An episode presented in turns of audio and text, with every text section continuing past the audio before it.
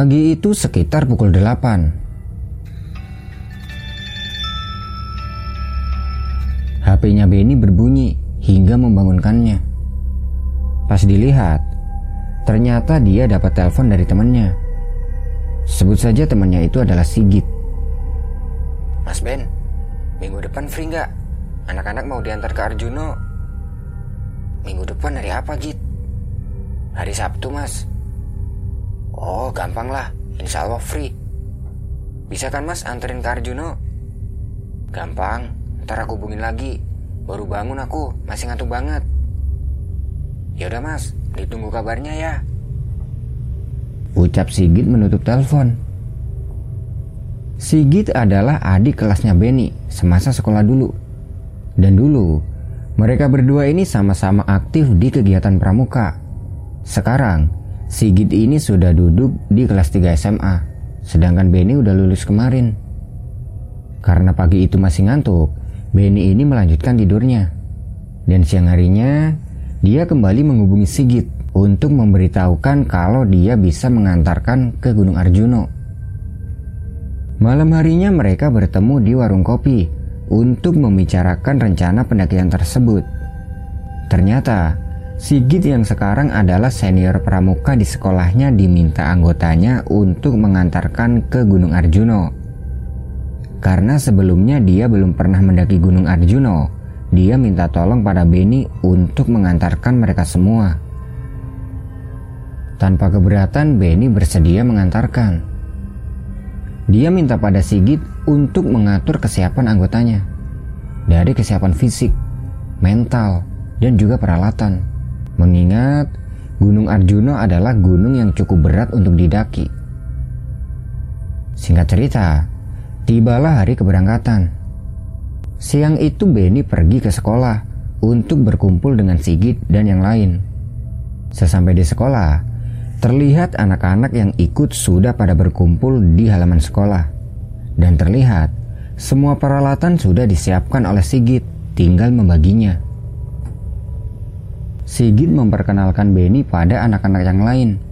Sekaligus, dia memberitahukan pada anak-anak kelas 1 kalau Benny ini adalah senior pramuka di sekolahnya dulu. Sekaligus dia ini juga alumni sekolah sini. Jadi di situ sudah ada lima orang yang berkumpul, termasuk Benny dan Sigit. Sebut saja mereka adalah Arvin, Novi, dan Farida. Tapi ini bukan Faridanya sembara loh ya. Orang lama pasti tahu. Nah, Farida dan Arvin ini adalah anak kelas 1 yang baru saja bergabung di kegiatan pramuka. Tidak lama kemudian, terlihat ada satu orang yang baru datang. Sebut saja dia adalah Tio, anak kelas 2. Tio juga akan ikut serta dalam pendakian kali ini. Setelah semuanya sudah berkumpul, Sigit membagi peralatan yang sudah disiapkan. Untuk tenda berkapasitas 4 orang akan dibawa Sigi dan Tio. Sedangkan peralatan lainnya yang tidak begitu berat akan dibawa oleh Arvin dan Farida. Mengingat mereka berdua ini masih pemula, Sigi tidak memberi beban terlalu berat. Dan untuk Benny, dia sudah membawa peralatan lengkap sendiri, termasuk tenda berkapasitas dua orang dan peralatan masak. Semua peralatan sudah terbagi, Lalu, Benny memberi arahan pada mereka semua, sekaligus bertanya tentang kesiapan fisik, mental, dan peralatan. Dan mereka semua menyatakan sudah siap dengan semuanya. Semua kesiapan sudah fix, dan tepat pukul 2 siang, mereka mulai berangkat. Jadi waktu itu mereka ini totalnya ada enam orang. Di antaranya adalah Benny, Sigit, Tio, Arvin, Novi, dan Farida. Perjalanan dilakukan dengan mengendarai motor. Setelah menempuh kurang lebih satu jam perjalanan, sampailah mereka di pos pendakian Gunung Arjuna via Tretes. Sesampai di situ, Benny meminta pada yang lain untuk istirahat di sebelah pos. Sementara Benny dan Sigit, mereka mengurusi Maksi. Setelah izin diberikan, Benny dan Sigit mendatangi anggota yang lain untuk bersiap-siap mendaki.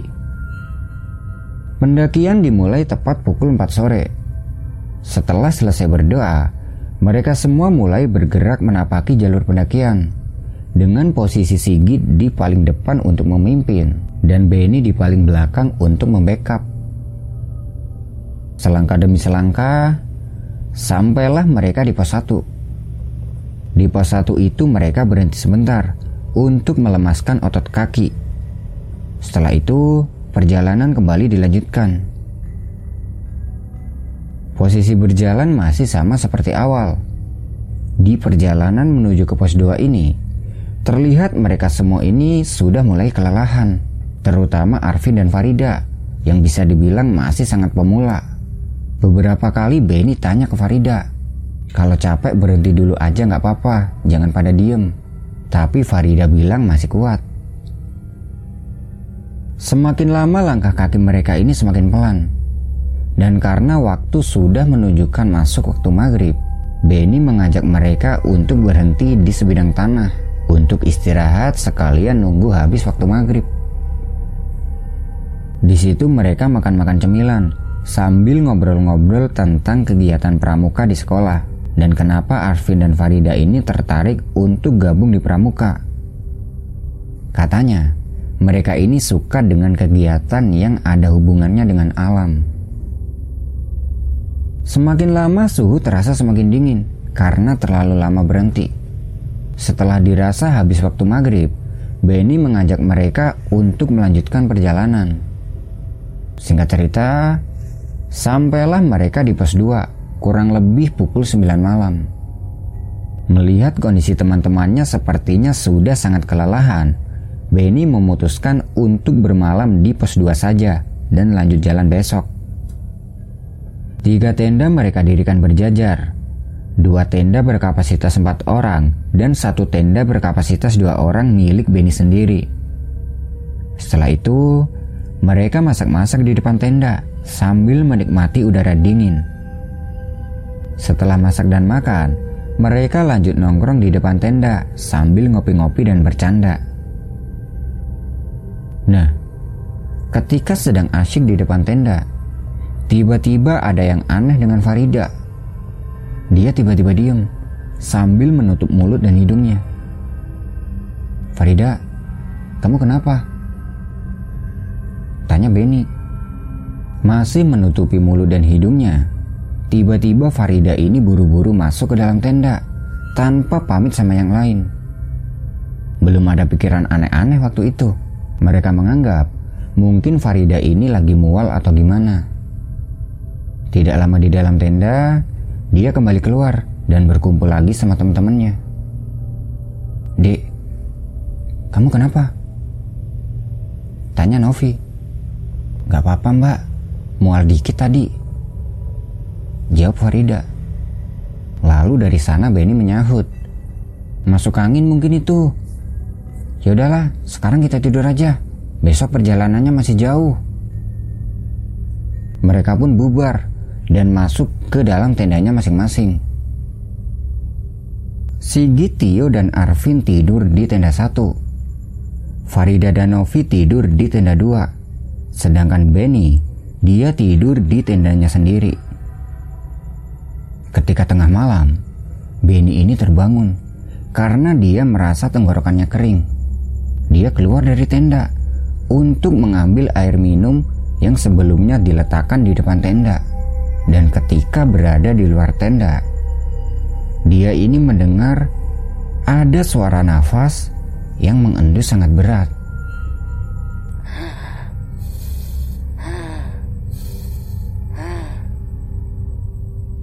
Dicarilah sama Benny, dan sepertinya Suara nafas yang berat itu bersumber dari dalam tenda Novi dan Farida.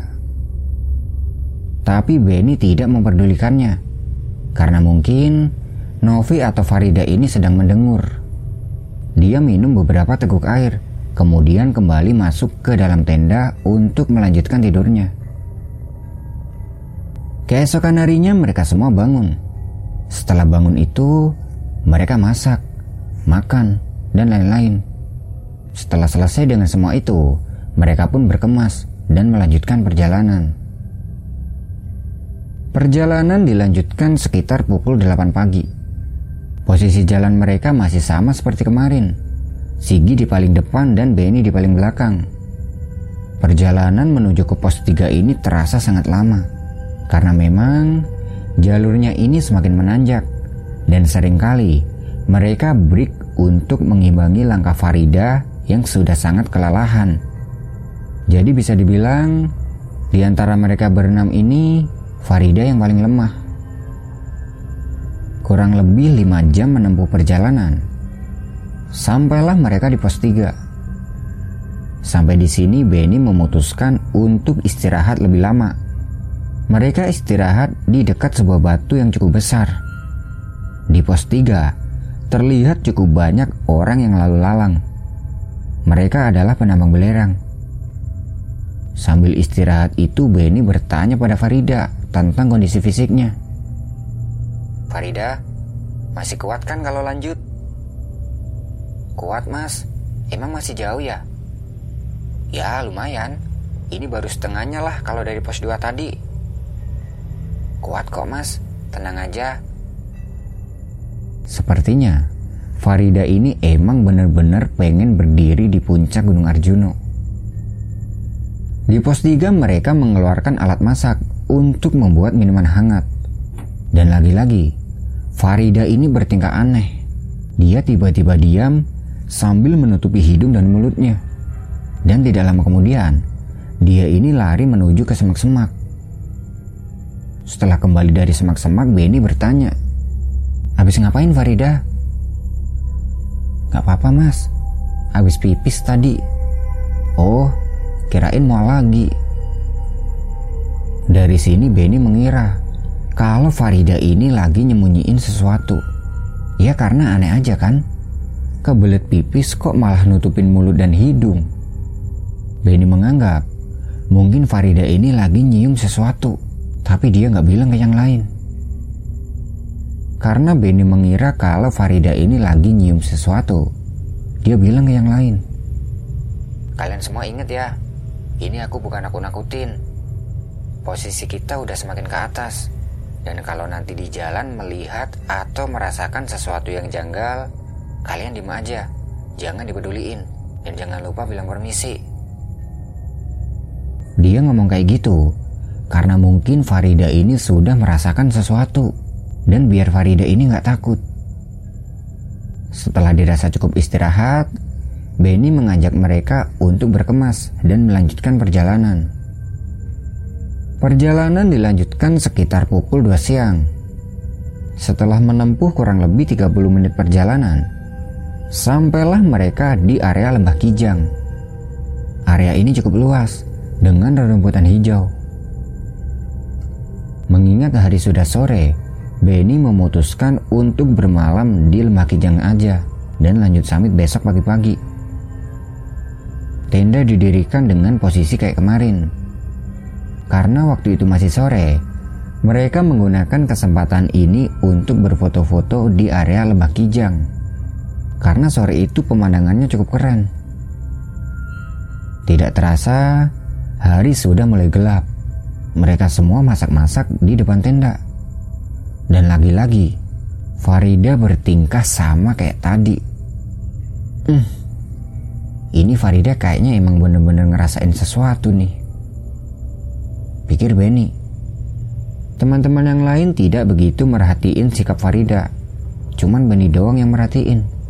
Setelah selesai makan, Benny menyarankan pada yang lain agar segera istirahat. Karena besok perjalanan summit akan dimulai pukul 3 dini hari. Semuanya masuk ke dalam tenda, kecuali Sigi dan Benny. Mereka berdua masih duduk di depan tenda untuk menghabiskan kopi sambil ngobrol ngalor ngidul. Nah, ketika dirasa anak-anak yang lain ini udah pada tidur, Benny bilang tentang Farida pada Sigit. Git, anak buahmu yang satu tadi kok aneh gitu ya? Yang siapa Mas Ben? Farida, kayaknya dia lagi ngeliat sesuatu deh. Dia berhenti tingkahnya aneh. Masa sih mas? Aku nggak begitu merhatiin sih. Mereka berdua melupakan soal Farida, kemudian membahas hal yang lain. Dan tidak berselang lama, terdengar ada suara nafas yang sangat berat dari dalam tenda cewek.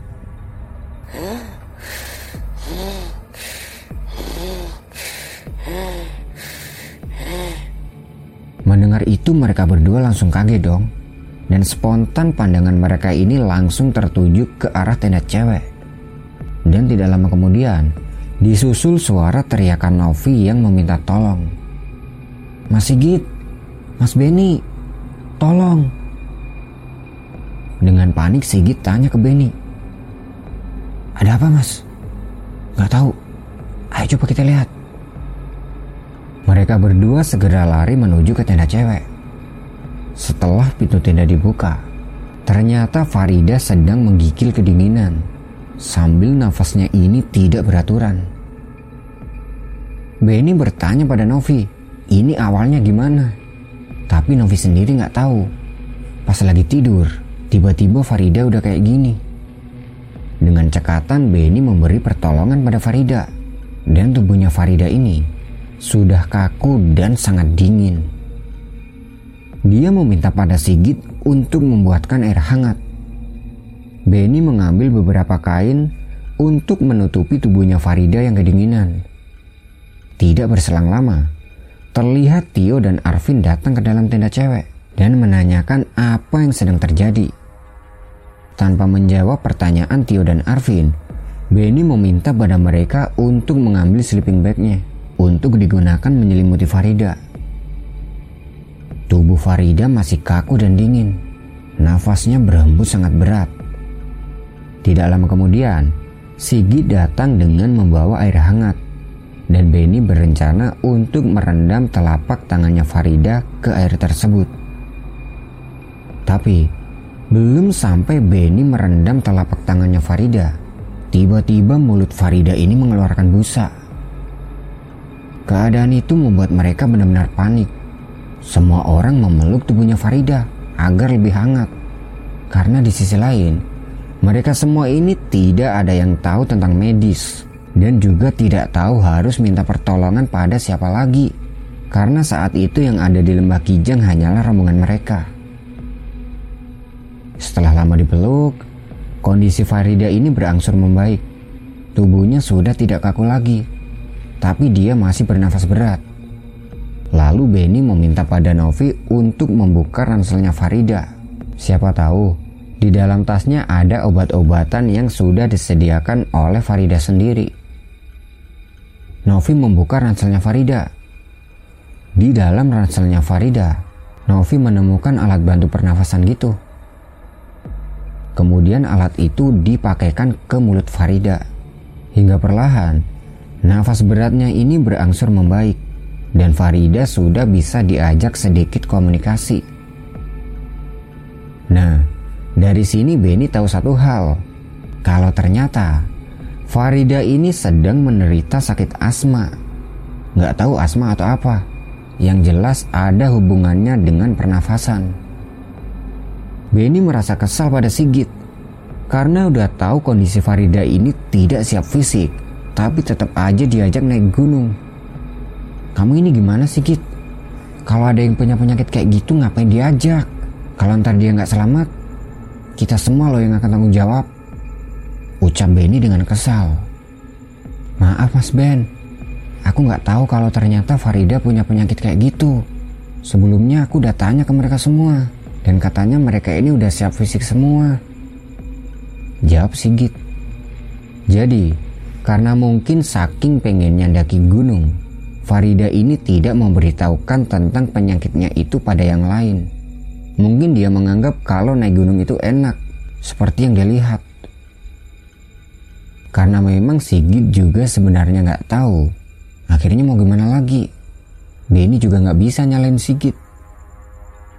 Malam itu kondisi Farida sudah sadar. Tapi dia masih lemas dan sering kali penyakitnya itu kambuh lagi. Dan sampai semalaman, Benny dan yang lain ini tidak tidur untuk menjaga Farida. Benny memutuskan untuk tidak melanjutkan perjalanan ke puncak dan balik turun besok. Takutnya kalau dipaksa lanjut, nanti kondisi Farida ini tiba-tiba kabur lagi. Keesokan harinya Benny mengajak yang lain untuk berkemas dan kembali turun. Tapi pagi itu kondisi Farida tidak memungkinkan untuk berjalan turun. Dan akhirnya Benny berinisiatif untuk turun duluan untuk meminta pertolongan. Dia mengajak Tio untuk jalan turun dulu dan meminta pada Sigi dan yang lain untuk menjaga kondisi Farida sampai nanti Benny dan Tio ini mendapat pertolongan. Benny dan Tio kemudian bergegas turun, membawa sebagian beban mereka. Di perjalanan turun, Benny dan Tio ini berjalan sangat cepat agar segera sampai di bawah. Tapi, bukannya pertolongan yang mereka dapat. Setelah berjalan melewati pos 3, perjalanan mereka berdua ini terasa lama banget. Sudah hampir tiga jam berjalan, mereka tidak juga sampai di pos 2. Nah, normalnya perjalanan kalau dari pos 3 menuju ke pos 2 ini hanya memakan waktu kurang lebih 1,5 jam doang. Apalagi waktu itu jalan mereka ini cepat banget. Jadi harusnya ya nggak sampai 1,5 jam lah. Nah, karena merasa ada yang janggal, Benny mengajak Tio untuk berhenti di sebidang tanah. Mas, kok jauh gini ya belum sampai di pos 2? Tanya Tio. Gak tahu yuk, bentar lagi mungkin. Jawab Benny yang udah lemes. Di situ Benny mengeluarkan sebatang rokok untuk dihisap. Kemudian Tio ini pamit buat pipis. Dia jalan sedikit turun. Lalu dari bawah Tio teriak pada Benny. Mas, Ayo istirahat di bawah aja. Itu di bawah ada warung. Dek. Mendengar itu Benny kaget. Karena setahu Benny, di jalur pendakian via Teretes ini tidak ada warungnya sama sekali. Adanya cuma di pos 1. Di pos 2 juga ada sih, tapi jarang buka. Karena mungkin warung yang dimaksud Tio itu adalah pos 2, Benny langsung berdiri dan melanjutkan perjalanan. Tapi ternyata warung yang dimaksud Tio itu bukan pos 2 dan emang benar-benar warung dan terlihat ada beberapa. Mereka berjalan menuju ke warung-warung tersebut. Sesampainya di sana, warung-warung ini gak ada penjualnya dan sepi banget. Sampai di sini Benny merasa ada yang janggal. Karena selama dia mendaki ke Gunung Arjuna via Tretes. Dia tidak pernah melihat keberadaan warung ini. Sambil jalan memperhatikan warung-warung itu, Tio bilang, Mas, beli cemilan dulu yuk, aku lapar. Jangan yuk, kita buru-buru, ntar aja di bawah makannya. Jawab Benny tidak memberitahukan kejanggalan yang dia rasakan. Mereka berjalan melewati warung-warung itu jadi ada empat warung dan jaraknya ini 10 meteran lah dari warung satu ke warung yang lain. Sambil jalan itu pikirannya Benny ini udah gak karuan. Selain karena keberadaan warung itu, perjalanannya ini juga terasa lama banget. Nah, tidak lama berjalan meninggalkan warung-warung tadi.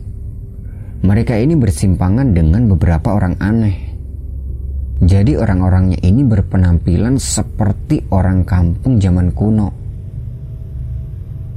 Yang laki-laki gak ada yang pakai kaos, sedangkan yang cewek mengenakan kemben. Ketika bersimpangan dengan orang-orang itu, Benny menyapa, tapi mereka diam, gak jawab apa pun.